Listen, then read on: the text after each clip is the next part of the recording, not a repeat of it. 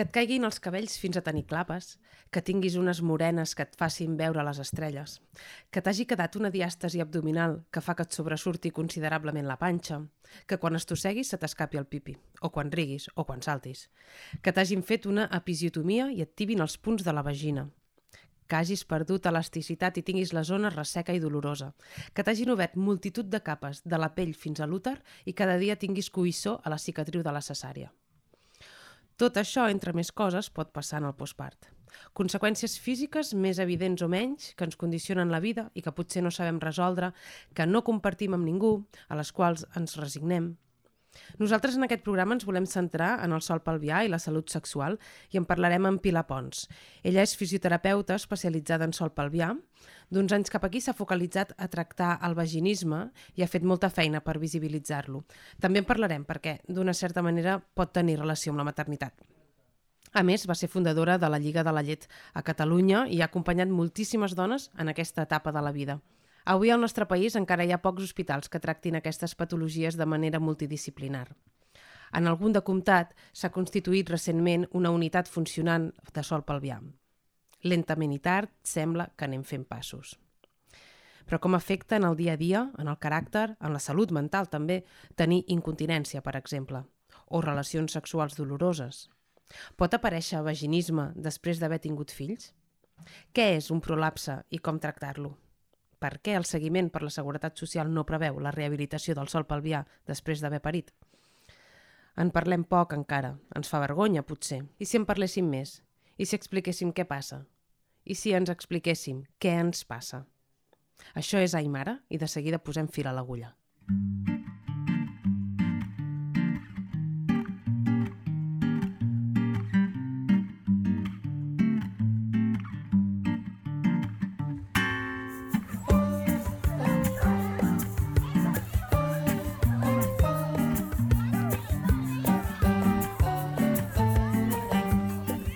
Ai Mare, el podcast sobre maternitats de VilaWeb, amb Bel Savalla.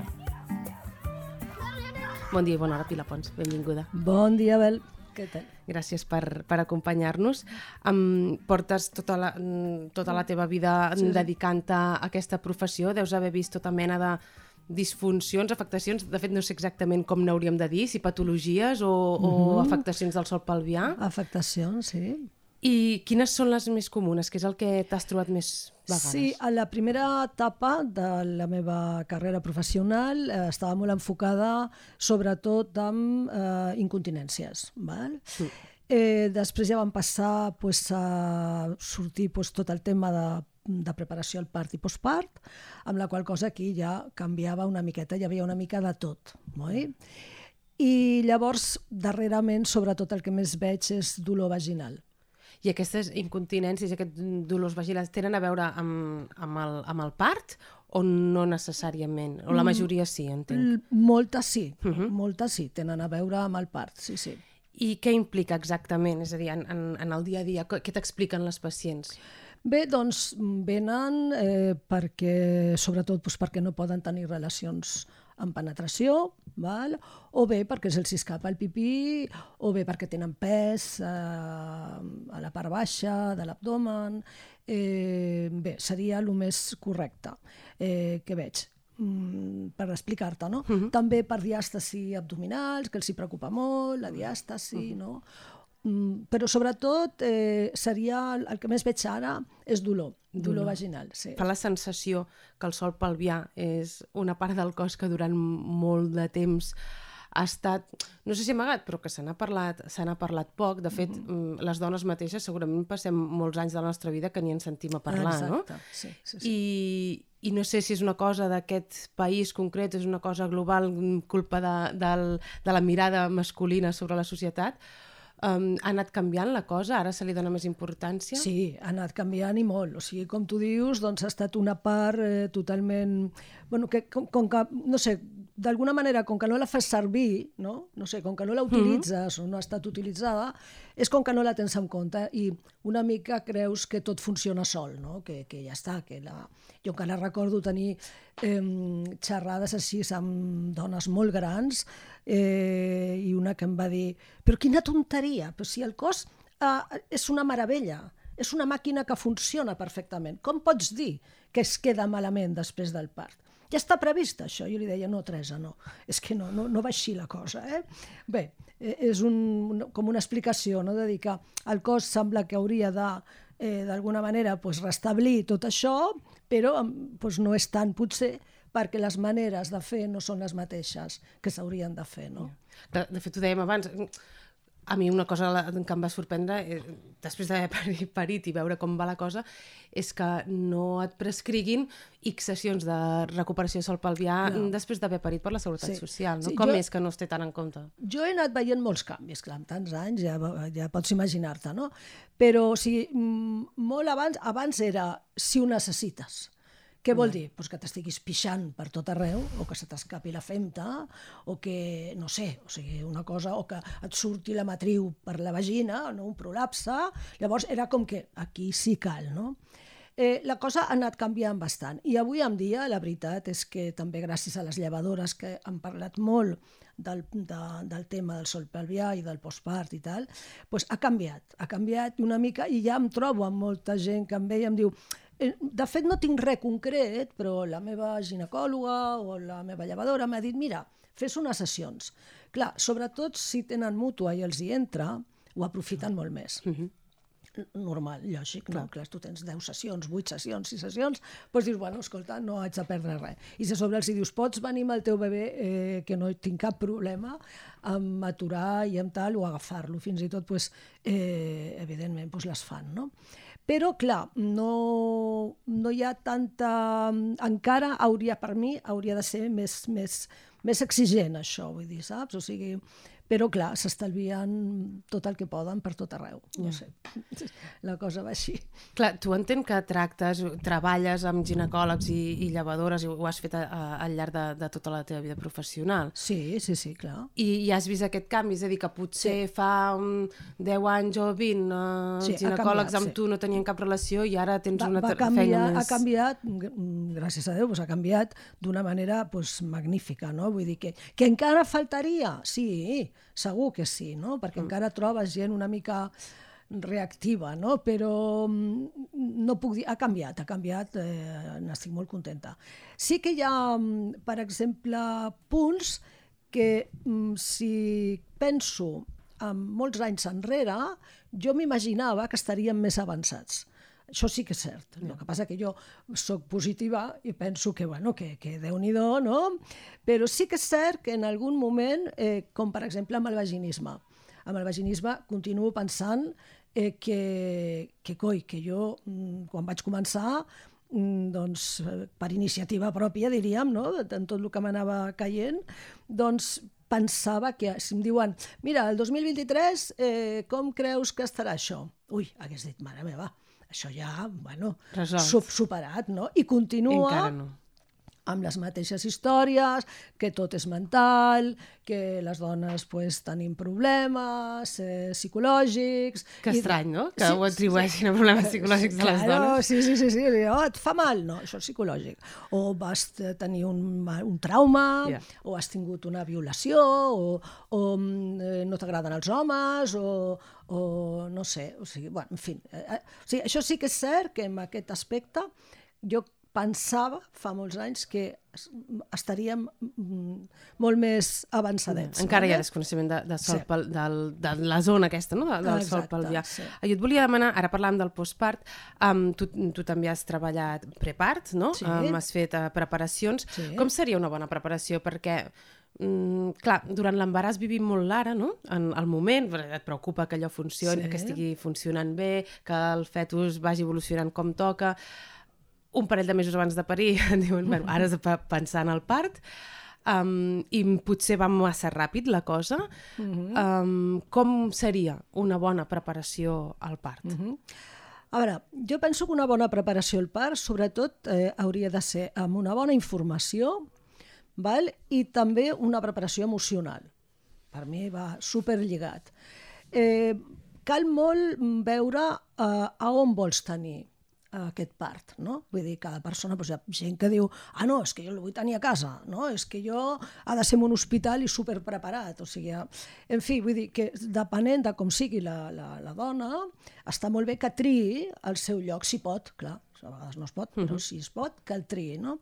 Que rebi tota la informació que sigui possible. O sigui, és un moment d'aquests d'agafar per tot arreu tota la literatura, tots els vídeos, tot el que tu vulguis, i fer-te els teus. Vale? Conèixer el teu cos, vale? però jo sobretot et diria que també la preparació estaria molt bé, eh, a part de la física, eh, que vull dir que ara en parlarem, però mm, aquesta preparació emocional, de dir eh, com sóc, què vull, què passarà, quines pors tinc, i treballar-les. Mm. Quines creences limitants tinc, eh, quina por tinc, eh, tot això desmuntar-ho, no? És a dir, i fluir. O sigui, el que s'ha de fer és, és creure amb el teu cos, amb tu mateixa, i fluir.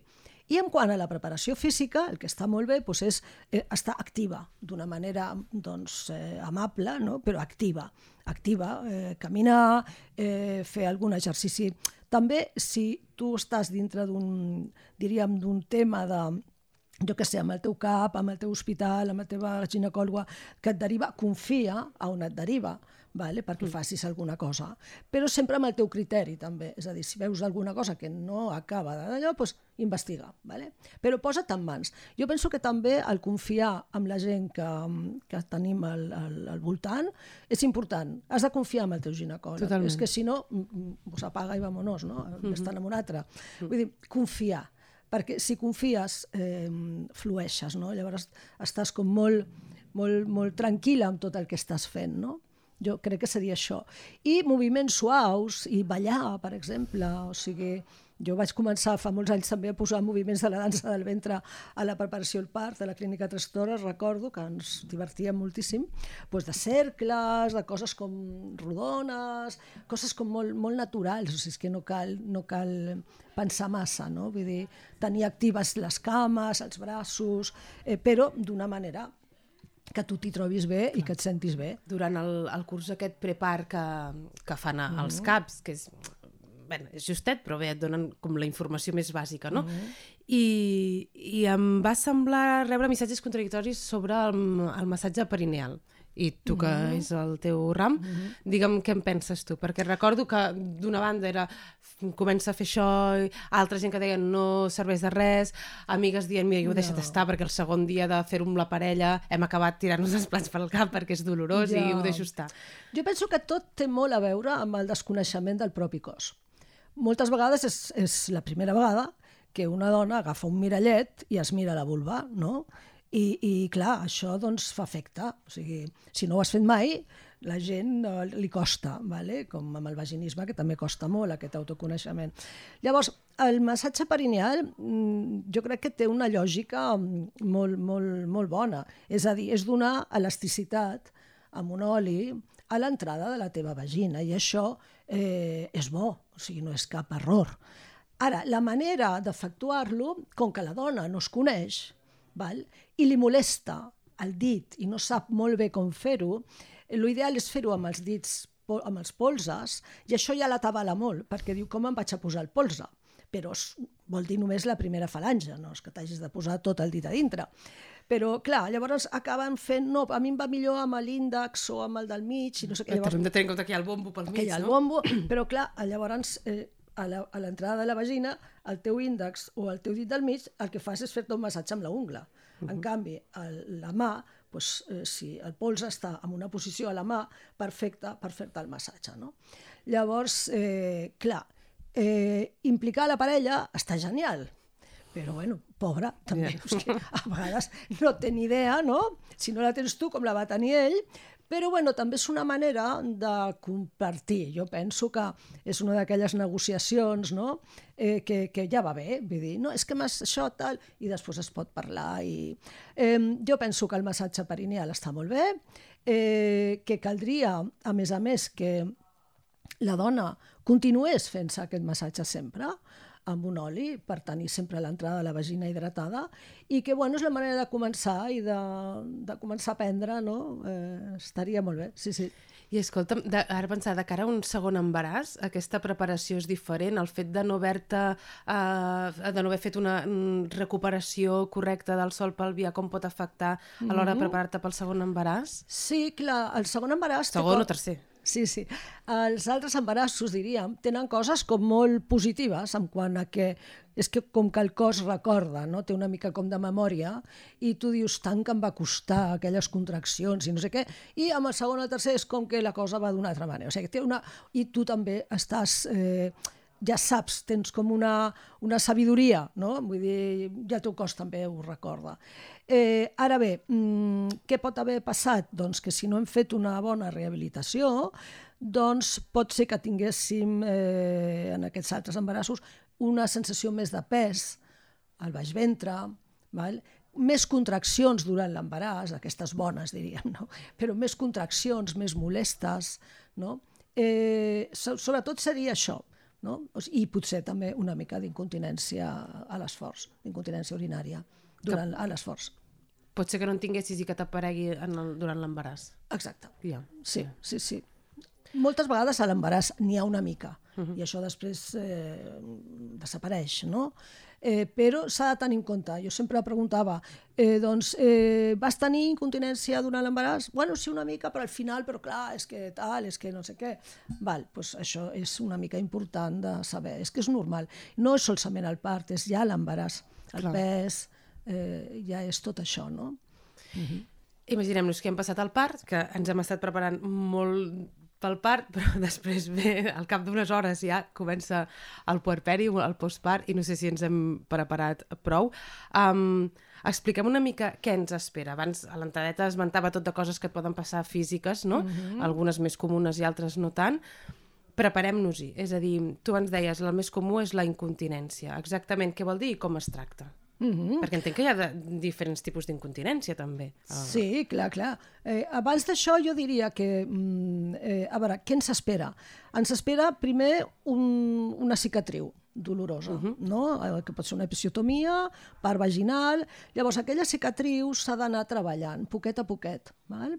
amb massatge. El, el primer dia, el segon dia, quan, quan ja es pot, evidentment, quan no hi ha punts, quan no hi ha ferida, però eh, resulta molt molest posar el dit allà i, i toquetejar una mica, no? Però això és el que jo explico sempre de, de sensibilitzar. Eh, com a fisio, quan em venia una persona amb una cicatriu al braç per una operació, el que sigui, i el metge et deia fes massatge de cicatriu, el primer dia que li tocaves a cicatriu és que botava, no? I en canvi, al cap de mm, poques sessions, estàvem ja xerrant de coses nostres sense que aquella persona posés la cara que ella ha desbarat, no? O sigui que una mica és el mateix. Mm, hem d'anar desensibilitzant la zona perquè això és bo, no és allò de no, no me miro, no me toco, vull dir, no, no, no, no, no. El bo seria mirallet i una altra vegada veure on t'ho tinc, i vinga, i vinga, i vinga, i tenir-ho present, no? O sigui, el que primer eh, notaríem seria aquesta cicatriu, si és que hem tingut una episiotomia, o una cicatriu de, de cesària, amb la qual també mm, podíem actuar de la mateixa manera, o sigui, no? quan ens donen permís doncs de, de tocar, de fer massatge en forma de ziga-zaga, eh, doncs seria això, primer aquesta molèstia. Després serien les pèrdues, no? si estem encara perdent, doncs eh, aquesta, aquesta molèstia. I també la sensació de que se m'escapa el pipí, és a dir, que no arribo, de que acabo de... No? Poquet a poquet hem de començar, doncs, quan ja ens deixin, diríem, no? ens permetin fer tot això, començar a fer una mica d'exercicis de Kegel, de- d'anar tancant, d'anar haver-nos informat molt de, de com es fan els exercicis de Kegel, no? que no em quedi sense respirar quan, els, quan estic fent la contracció, o sigui, res, mínimament, però tenen dos premisses, vull dir, ja està. Val? I seria això. I, sobretot, mm, pues ser feliç, jo què sé. És que clar, sí, clar, si estàs, estàs com obsessionat i tal, disfruta de la teva criatura, sàpigues que el que està passant al teu cos pues, passa, vale? però que si mm, ens tractem d'aquelles coses que veiem que no van, ens informem i fem el que ens diuen, doncs eh, pues, cada cop la cosa anirà a millor, però sobretot disfrutar. Disfrutar, mm, també fer una mica de- d'estar eh, amb grups de suport, que això va molt bé, o sigui, el fet d'estar amb altres dones, això va bé amb tot, amb l'alletament, amb el postpart, amb tot, no? Mm. Els grups de suport funcionen superbé i això també et dona una... No? És com amb, amb el vaginisme, no? que totes les dones em diuen que bé, que me n'he adonat de que no sóc l'única, que, que està ple, i els dic a tot arreu del món, a tot el món. Vull dir que tu tranquil·la, que no... Jo pensava que era l'única del món mundial, no? i ara, oh, quin descans, no sóc rara. Doncs és una mica això, els grups de suport. Ara que has esmentat el vaginisme, expliquem una mica què és. Suposo que ara ja no és tan desconegut i la majoria mm -hmm. ho sap, però expliquem què és i com sí, afecta. Sí, doncs bé, el vaginisme... Eh, el vaginisme és la impossibilitat de penetració vaginal, i pot tenir doncs, molts graus. És a dir, no m'ha entrat res absolutament, ni m'ha entrat mai res, ni un tampó, ni m'han pogut fer una revisió mai, i evidentment una penetració tampoc. Val? O eh, m'han pogut fer una revisió però molt dolorosa, però no puc tenir penetració, i sí que em puc posar tampó, o sigui, totes les variants, tampó sí, tampó no, això seria. Pot ser primari, és a dir, ho tinc de tota la vida, val?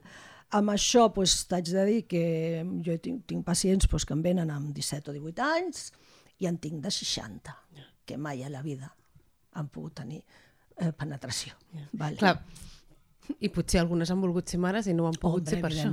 moltes, moltes. Quan es posen més les piles són a partir dels 40 de dir, uix, estic perdent ara ja sí, el tren, i m'hi poso. I després hi ha pues, aquelles que en realitat poden tenir penetració, però sempre amb dolor sempre molesta, sempre amb dolor, sempre amb dolor. Eh, i, I hi ha també el vaginisme secundari. I que una seria... pregunta, perdona. Uh, tu el que dius és que uh, això, que potser durant molts anys sempre s'ha atribuït a una qüestió més traumàtica, sí. tu el que dius és que amb unes sessions de, de sí, fisioteràpia sí, sí, ja està, sí, es pot sí, resoldre. Sí. I tant, i tant. I, tant, I com va ser que t'hi volguessis uh, especialitzar?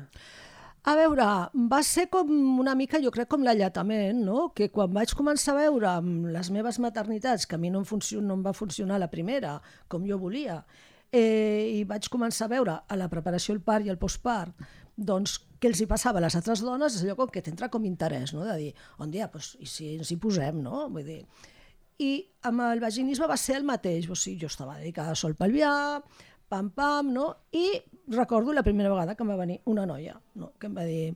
Eh, que ah, precisament aquest cas el vaig publicar a la revista científica del Col·legi d'Aficiós, que vaig trigar dos anys a que me'l publiquessin perquè em deien que allò no era fisioteràpia. No, yeah. no, no era. No, jo deia, pues que baixi, no? que baixi, Nostre Senyor i ho digui, perquè clar, estic utilitzant tot el que he après a fisio, el suplement que he dedicat allà, enfocat. No? Eh, I llavors, doncs, bueno, el mateix, la primera noia, i jo, uf, ni, no tinc ni idea, vull dir, què, què m'estàs contant? No, o sigui, eh, no ho sé. Eh, I, bueno, veient a moltíssimes sessions, perquè jo, jo tenia fins i tot, clar, doncs, por, no en tenia la que em deia no, no, no, que em molesta molt, jo parava, ara, ara li dic, bueno, bueno, va, anem a parlar, anem a parlar, va, va. Eh, dolor no és. Mm, sí, sí, no, dolor no és. Pensa les paraules que dius, no? O sigui, dolor seria un còlic nefrític, un os que t'està sortint per aquí darrere. Això no t'agrada i et molesta. Però canvia la parauleta, perquè si no, ja ho diu la programació neurolingüística, no? que les paraules doncs, afecten molt. I clar, doncs començar d'aquesta manera eh, ja canvia. I els primers anys tenia molt poques, perquè, clar, no, com que tampoc no se'n parlava, ni jo... Publicava, clar, les mateixes noies no sabien què els passava, en Exacte, realitat. ni, a més, no, la parauleta no, de vaginisme, és que ni, elles buscaven no, no puedo, no, no, allò per internet, uh -huh. no puc, eh, dolor, eh, la penetració, però clar, no sortia pràcticament ni la paraula. I si anaves I era... al ginecòleg i ho deies? Bueno, pues aquí estava, no? pues ja estem, pues, uh, t'has de relaxar, perquè tot està bé. I jo si preguntava, però t'ha pogut explorar? Bueno, per fora. Bueno, clar, per fora, la teva vulva, doncs està bé, no? És bonica, no sé, no passa res, no? Però, però clar, o sigui, no, que, que, que em relaxi, que em prengui una copa de vi. Yeah. Sí, sí, L'alcoholisme hauria d'estar allà, perquè el vi, el gin tònic, el relaxat, o és que no t'agrada prou el teu nòvio, o no sé què, en fi, bueno, era una mica la d'allò. Però no, avui en dia ha canviat també bastant. Avui ja hi ha eh? molt més coneixement sobre Però, això. tot i amb això, ja dic, amb aquest punt, amb aquest aspecte, amb el vaginisme concretament, encara em trobo amb dones, sobretot també mira amb el vaginisme secundari. Això et volia preguntar, Sí. perquè hi ha aquest secundari que quan apareix? Pot aparèixer després d'haver parit? Exacte, té un vaginisme secundari. Fins i tot fixa't-hi bé amb una cesàrea, perquè tu dius, clar, Clar. un vagi... clar, normal, un part vaginal, allò ha quedat afectat, que si la cicatriu, que si el dolor, que si tal, que... Doncs, clar, tu dius, però com amb una cesàrea la teva vagina ha quedat doncs com més seca, Contreta. més contreta i fa mal. Però aquests són molt fàcils, aquest, tres sessions o així es soluciona eh, perfectament, perquè és donar-li a la vagina pues, més, eh, més hidratació, més elasticitat, una mica més de dilatació, una, amb una mica de vibració també, i pum, eh, es relaxa i ja està. I La tot qüestió és funciona. saber-ho. Jo penso que Claro. no, qualsevol altra veu és útil i, per tant, des d'aquí dic que... Claro. Perquè primer has de saber què et passa per poder posar-hi Clar. remei i després veure que el remei és així de fàcil. Jo, des de fa anys, quan acaben la, la sessió, tant les de online com les presencials, els hi dono un sobret molt mono, val? Amb, amb una clau que els fa molta il·lusió, però si a més ja, ja ho saben algunes. "Ah, Quan tindré la clau? Què vol dir la clau? Que ja ho saps tot. I que si et tornés a passar, Ja tens les eines. ja tens les eines, no? O sigui, m'estic en recordant que abans m'has fet una pregunta que no t'he contestat. Tipus d'incontinència. Sí, Sí, és que ara perquè la més comuna segurament és la, La la urinària, no? Sí, sí. Però després n'hi ha d'altres que encara es deuen portar més en, en, Mm. Molt amagats, en sí. amagada, que és la, la fecal i la, de fecal, gasos. Sí, exacte. El sí, tractament és el mateix? Sí, sí, sí, sí, totalment. totalment. O sigui, és, és eh, mirar com està aquella musculatura, eh, o sigui, amb un postpart, eh, quan et venen a revisió del sol pelvià, eh, el que es mira és la diàstasi de rectes, val? llavors mires el to muscular i la força muscular que els hi ha quedat a, a vagina, diríem, no? l'aspecte també de la cicatriu, i, eh, i aquí es comença a treballar. Pues es comença a treballar amb, amb sessions de, pues, de massatge de cicatriu, amb kegels, amb hipopressius, molt important en el postpart, importantíssims els abdominals hipopressius, i que la gent no els hi agafi mania, que si són antipàtics. Són moníssims, són super simpàtics, i, i Sembla mentida com costa trobar 10 minuts al dia per fer Clar. un- uns quants Mira, set, hipopressius, eh? jo diria set. Jo vaig fer una prova fa uns anys, abans de la pandèmia, perquè se'm va posar al, al, al cervellera que, um, que creia que en pocs minuts diaris es trobaven resultats. Llavors vaig ser molt tossuda a mi mateixa i els hi vaig dir tècniques express. O sigui, eh, ho vaig estar publicant i tinc gravacions d'àudios i de tot. Què vaig fer? Vaig provar per, amb mi mateixa eh, doncs, 7 minuts sortint de la dutxa, allò, surts de la dutxa, ta, ta, ta, ta, calenteta, perquè era hivern, me'n recordo quan vaig començar, i allà amb la bateta posada, doncs vinga, va, dreta. Vale? Ho feia només dreta, 7 minuts, tres exercicis de cada, pam, pam, pam, pam, i mira, bé, sí, són 7 minuts. I ho vaig notar moltíssim. Llavors tenia la motivació per dissabte o diumenge fer-ho sencer, que era mitja horeta, doncs dreta, estirada, de genolls, eh, quadrupèdics, no? però era pam, pam, pam, pam, pam, molt rapidet. No? I ho vaig publicar a molts llocs i, i els hi deia, o sigui, són set minuts. I no és que no es tingui el temps, és que no ho prioritzes, no ho focalitzes. Però sobretot en, ens aniria de fàbula a totes fer-ho, però en el postpart és molt important per posar també donar aquesta, a les visceres aquesta posició. I hi ha uns, uns tempos, és a dir, perquè no sé si pot ser que la incontinència o el, uh, sí, bàsicament incontinència, aparegui mm, al cap de Sí. mesos, d'un any potser. Sí, clar, Això perquè clar, hi ha, hi ha altres temes també. Per exemple, un estrenyiment crònic pot ser que a la llarga o a la curta et porti a, a una incontinència, val? de tant apretar, de... Totes aquestes són hàbits, hàbits teus de quants cops fas pipí al dia, no? O sigui, mm, hi ha moltes coses que et poden portar, encara que no hagis tingut criatures, no? Vull dir, ni parts, ni embarassos, no? Eh, tot això s'ha de tenir en compte, o que tinguis molts impactes, que, hagis, que siguis una persona d'aquestes de, que fas mm, no sé quants abdominals cada dia, dels típics, dels clàssics, no? Eh, o que, que corres, no? La, això de les curses i Sí. tot això. Doncs això també pot ser doncs, que et provoqui una, un problema d'incontinència, clar. I, I hi ha algun moment que facis tard o sempre t'hi pots posar? No, sempre t'hi pots posar, Sí, evidentment. I tant. no, no és No, allò que diguis, no. ja fa dos anys No. i mig o tres anys que vaig No. parir, ara això Lo ja no té solució. és que quan t'hi posis, tu creguis, val? i ho facis. O sigui, entrenis cada dia, de la mateixa manera que aniries al gimnàs a entrenar pues, qualsevol tècnica. No? M'agradaria acabar parlant una miqueta més de tu, perquè ara deies això, com et vas acabar especialitzant en, en el sol pelvià. Uh Mhm. -huh. uh, també has fet esment abans de, de quan feies acompanyament. Tu ets, vas fundar la, la Lliga de, de la Aquí a Llet Catalunya, a a Catalunya, sí. Com va anar la cosa i com has viscut la mater... com vas viure la teva maternitat i com la veus ara? Bé, doncs, eh, una mica ho he explicat abans, no? que veient els dèficits no? que hi havia i, i que jo experimentava també, perquè no hi ha cosa millor que això, no? Quantes mm, dones conec jo, osteòpates, jo que sé, terapeutes, que primer no li han donat cap valor a la, no? al tema de maternitat i tal, i quan elles han estat mares, uau, no? se'ls hi obre, és normal, vull dir, Sí, canvia. canvia Sí, sí. tot, no? Vull dir, llavors eh, poses el focus, no? Agafes aquella bombe, bombeta enorme i fas uah, i focalitzes, no?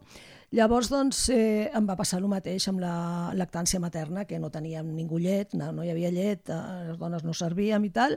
I, bueno, vaig començar, pues, eh, em vaig informar de que existia la, la Lliga de la Llet i en aquell moment la que més a prop vaig conèixer va ser la francesa i llavors va ser això, vaig començar aquí jo, jo sola, però de seguida va venint algunes mares que ja es van quedar i vam començar a organitzar-nos. Jo feia reunions cada setmana a Gràcia, quan en realitat, quan ets monitora doncs de la Lliga, eh, fas una al mes i després tens la, la disponibilitat de telèfon. En aquell moment recordo 200 trucades mensuals d'urgències. No tinc llet, no puc més. Eh, en Clar, és que ara hi ha molts més grups de lactància, però en no, aquella havia època... res, sí. Era, era... I clar, tot això ho vaig aprendre amb les franceses, no? Uh -huh. Que es anaven passant un telèfon, me'n recordo, bueno, era, era, era increïble. I la resta, això, d'afectacions també tenen aquesta, de sol pelvià, tenen aquesta resolució eh, positiva. Vull dir, Sí, claro, sí, Per- sí, sí, sí. per acabar com amb un missatge positiu. No totes aquestes coses Oh, que passen durant el tant. postpart te, poden tenir un final. Tot, tot té un final i el que està molt clar és que, sempre dic el mateix, si tu t'ho mires d'una manera mm, positiva mm, i, i continues volent ser feliç, no? ets feliç, o sigui, busques les coses que t'agradin, eh, però clar, moltes vegades jo el que veig és que queda tapat, és allò que els arbres ens tapen una mica el bosc, no? perquè hi ha com un pes, hi ha ansietat, hi ha altres coses que penses, si poguéssim treure tot això, aquestes cortines, no? aquesta noia fent aquests exercicis, fent això, creguent exactament el que el que està fent li servirà i, i no, i no matxacar-se no? psicològicament, se n'en sortirà. Però sempre és com aquest pes, la, la falta de temps, no? la Això feina... passa molt, sí. Eh, sí, no? Trobar temps. Que- Sembla però- mentida, però és que és veritat, Clar, no? És... i el temps, eh, jo també sempre... És que no tinc temps. Dic, no, no, jo t'entenc, eh? Vull dir, a, a balla una li dius. Però, eh, Prioritzar. sempre, però sempre si dic mm, allò que vaig aprendre, també de, de, de la programació neurolingüística o de coaching, que li van preguntar a un de, de los gran, dels grans, no? Eh, però vostè té temps, però com pot tenir temps per tantes coses, no? I va dir, no, no, jo, no tinc, jo tinc el mateix temps que tothom, o sigui, 24 hores al dia. El que passa que el temps s'ha de crear. És a dir, clar, si jo no? si necessito fer una cosa, jo doncs, m'haig de treure altres, no? Sigui de la son, sigui de l'oci, sigui de feina... Sigui I que tal. també passa que quan has parit i tens una criatura, la teva prioritat passa a ser la criatura I i, tu passes en segon terme I tant. durant bastant, Bastant de temps. de i, bueno, temps, hi ha dones sí. potser tota la resta de la Bastant vida. de temps, sí.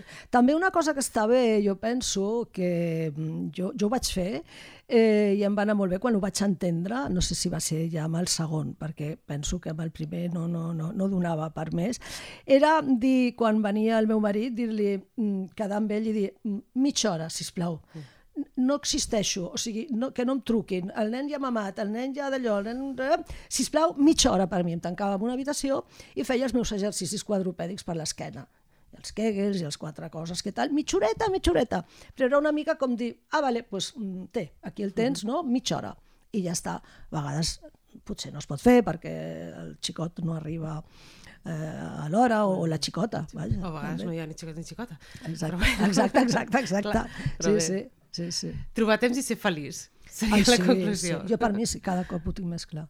Cada cop ho tinc més clar. Tenir pau i ser feliç. Buscar les coses que t'agraden, eh, eh, la gent del voltant, la família, els fills, les amigues, els amics, eh, no? I, i a partir d'aquí treballar amb ganes, no? amb, amb, amb il·lusió, amb passió i tal i buscar això, buscar això i l'equilibri amb el teu cos i donar-li al teu cos també el que necessita, evidentment, eh, que, és, eh, que es bellugui d'una manera sana, correcta i, i buscar temps per, per, per caminar, per anar al gimnàs, per ballar, per, pel que sigui.